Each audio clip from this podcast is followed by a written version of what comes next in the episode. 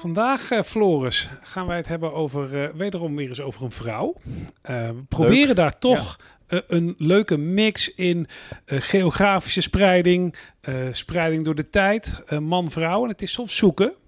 als het gaat om de dames, omdat er natuurlijk in onze historie kunnen we van alles van vinden, maar ehm, we, we kunnen gewoon meer mannen terugvinden dan, dan vrouwen. Dus het is altijd weer leuk als, we, als we een dame te pakken hebben. Maria Theresia. Ja, Ja, ehm, even kijken. Zij was nogal wat, hè? Even, want zij was aartshertogin van Oostenrijk, koningin van Hongarije, van Bohemen en dan nog zo'n hele array aan, eh, aan titels die je natuurlijk in dat Oostenrijks-Hongaarse Rijk, eh, dat Habsburgse Rijk had. ja, dat erfde je gewoon bij elkaar hè, in, die tijd. Ja, ja. Ja, ja. van die personele unies die je dan kreeg. Ja, Maar eh, een vrouw die zoveel titels heeft, dat was in die tijd natuurlijk niet gebruikelijk. Nee, precies. En dat is denk ik ook wel ehm, eh, leuk om daarover te beginnen. Omdat zij. ehm, nou ja, dat heeft daar ook wel wat, wat gedoe opgeleverd. Hè? Want eh, even gewoon, ze werd geboren in 1717, leefde tot 1780. En in 1740 ging haar, eh, overleed haar vader. En toen werd zij dus al deze titels. Ja, haar broer was al gestorven, dus haar vader had voorbereidingen getroffen om een vrouw op de troon te kunnen krijgen. Ja. Ja. Want dat kon niet altijd zomaar. Dus dat was Precies. goed geregeld.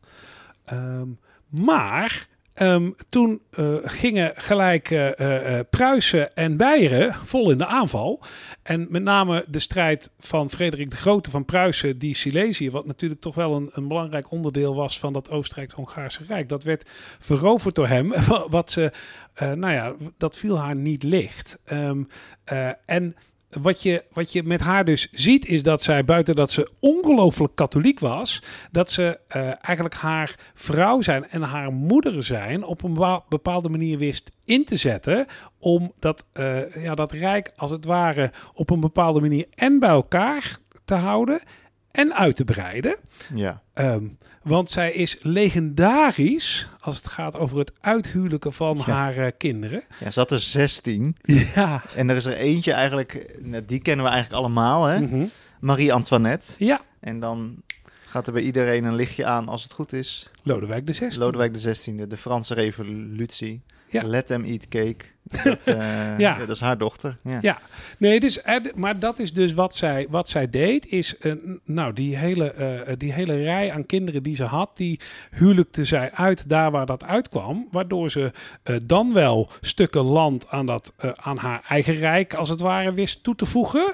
Dan wel eh, strategische partners wist te verzamelen die haar dan wel eh, goedgezind eh, waren. Ehm, wat misschien leuk is om met, om met jou toch eventjes ehm, eh, toe te stappen naar wa- wat je nou als hedendaagse leider ook van haar leren kunt in de manier waarop ze dingen aanpakte. Ja, ik denk dat het al gelijk begint bij de, ehm, bij de troonsbestijging van, eh, van Maria Theresia zelf. Ehm, ja, enerzijds kwam het niet onverwacht, want eh, haar vader had al voorbereidingen getroffen, we vertelden het net, om een vrouw op de troon te krijgen. En toch, ze was pas 23 toen haar vader overleed. Eh, en dan sta je opeens eh, voor die taak. Ja, En wat doe je dan? ja, Nou ja, ik vind het wel heel bijzonder. Zij zegt eigenlijk van ja, dit is me gegeven, dit overkomt me.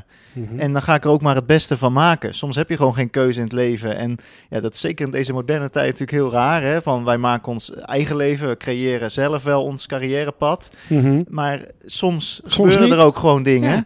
en die overkomen je. En zo overkwam het haar dat zij opeens keizerin was. ja, En juist die verantwoordelijkheid nemen voor de plek die je gekregen hebt, dat, dat is denk ik al best wel een mooie les. We zien Ja. het ook terug, nou, dat hebben we recent nog heel erg benadrukt gekregen toen Queen Elizabeth overleed in Engeland. Eh, over Beatrix werd ook zoiets gezegd. Mhm. Ehm, ja, dat, dat vind ik al dus gelijk aan het begin van haar troonsbestijging zit er al een waardevolle les van nou, neem verantwoordelijkheid op de plek soms die je gegeven is. Of de taak die je toebedeeld krijgt. ja, En probeer er dan het beste van te maken met de tools, met de kwaliteiten die jij hebt. Want ja, dan kom je bij het tweede.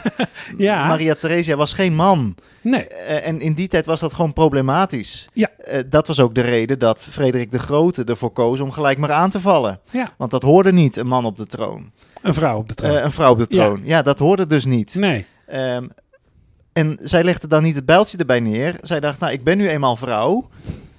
Ehm, dus daar doe ik wat mee. Ja, nou ja, en niet alleen vrouw, maar ook moeder van, hè, toen in het begin nog niet, maar werd dus moeder van heel veel kinderen. Ja, Eh, en daarmee heeft ze eh, een van haar, eh, de kwaliteiten die ze bezat, namelijk veel kinderen hebben. En die in die tijd eh, gewoon, hè, dat was heel gebruikelijk. Heel veel heersers deden dat. Het, het sluiten van, eh, eh, zeg maar, huwelijken die een alliantie tot gevolg hadden. En dat heeft ze dus ruimhartig gedaan. Dus de kwaliteiten die ze had, die zette ze in.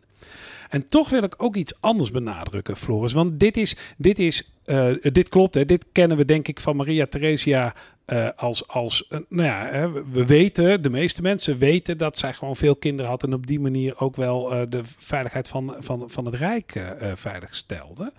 Ehm, we, we zeggen wel vaker, hè, in die voorbereidingen zit heel veel van de lol.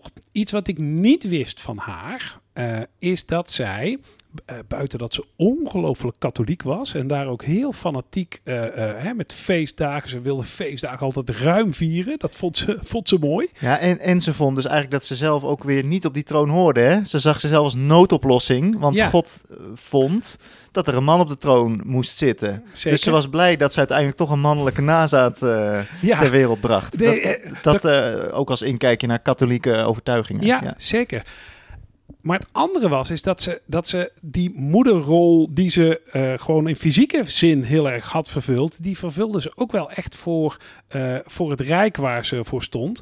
Want ehm, wat ik heel mooi vond, zij werkte heel veel met petities en audiënties, waarbij je dus echt als gemiddelde molenaar van een of ander Hongaars dorpje ergens in de achterlanden, kon je gewoon audiëntie vragen bij je, eh, in hun geval dan koningin. Eh, en daar besteden ze dus ook heel erg veel tijd aan. Dus als je het nou hebt over iets leren van Maria Theresia, jij haalde er al twee uit en daar voeg ik eigenlijk deze derde aan toe. Ja, gewoon soms sta je voor iets en dan, ja, dan vervul je je plicht. Dan is het wat het is en dan ga je daar gewoon vol overgave in. Ik vind dat een mooie. Dat doe je dan door te spelen met de stukken die gewoon voor jou op het bord staan. Ehm, speel met wat je hebt. Maar ben ook toegankelijk. En die toegankelijkheid, die heeft zij echt ook uit een soort van enorm besef. Zij vond het ook gewoon, zij wilde de moeder van al die Oostenrijkers, Hongaren, Bohemen, Tsjechen, wat er dan ook allemaal was, wilde zij zijn. Zij, zij vond echt, ik vind dat iedereen bij de moeder van het vaderland terecht zou moeten kunnen. Ja, Het schijnt ook dat ze, tenminste dat las ik ook ergens hoor in de voorbereiding, dat zij na haar troonsbestijging als charme-offensief in een glazen koets door het eh, Rijk is gegaan. maar dat wist ik dan weer niet. Ja, ook weer die toegankelijkheid. Een glazen koets. Ja, leuk. Nou ja, en, ehm, ma- maar dat vind ik wel om die toch even, om naar de afronding daarin te gaan. Hè, dat je ehm, eh, eh, als hedendaagse leider is dat toegankelijk zijn. Het is best makkelijk als je in een leidende positie zit om ehm, eh, of bewust of onbewust in een ivoren toren te belanden. Ehm, en nou snap ik ook wel dat ook de keizerin van Oostenrijk natuurlijk niet eh, ehm, eh, 24 uur per dag toegankelijk was voor iedereen. Maar het hele idee dat je gewoon echt vindt als moeder van dit vaderland, moet ik er voor al mijn onderdanen, voor al mijn kinderen zijn en moeten ze ook met mij kunnen spreken. Ja, dat is wel iets ehm, wat niet als vanzelf bij hedendaagse leiders plaatsvindt. Dus dat, ik vind het een mooie tip. Ja, mooi. Mooi. Dankjewel weer voor, deze, voor dit leuke inzicht.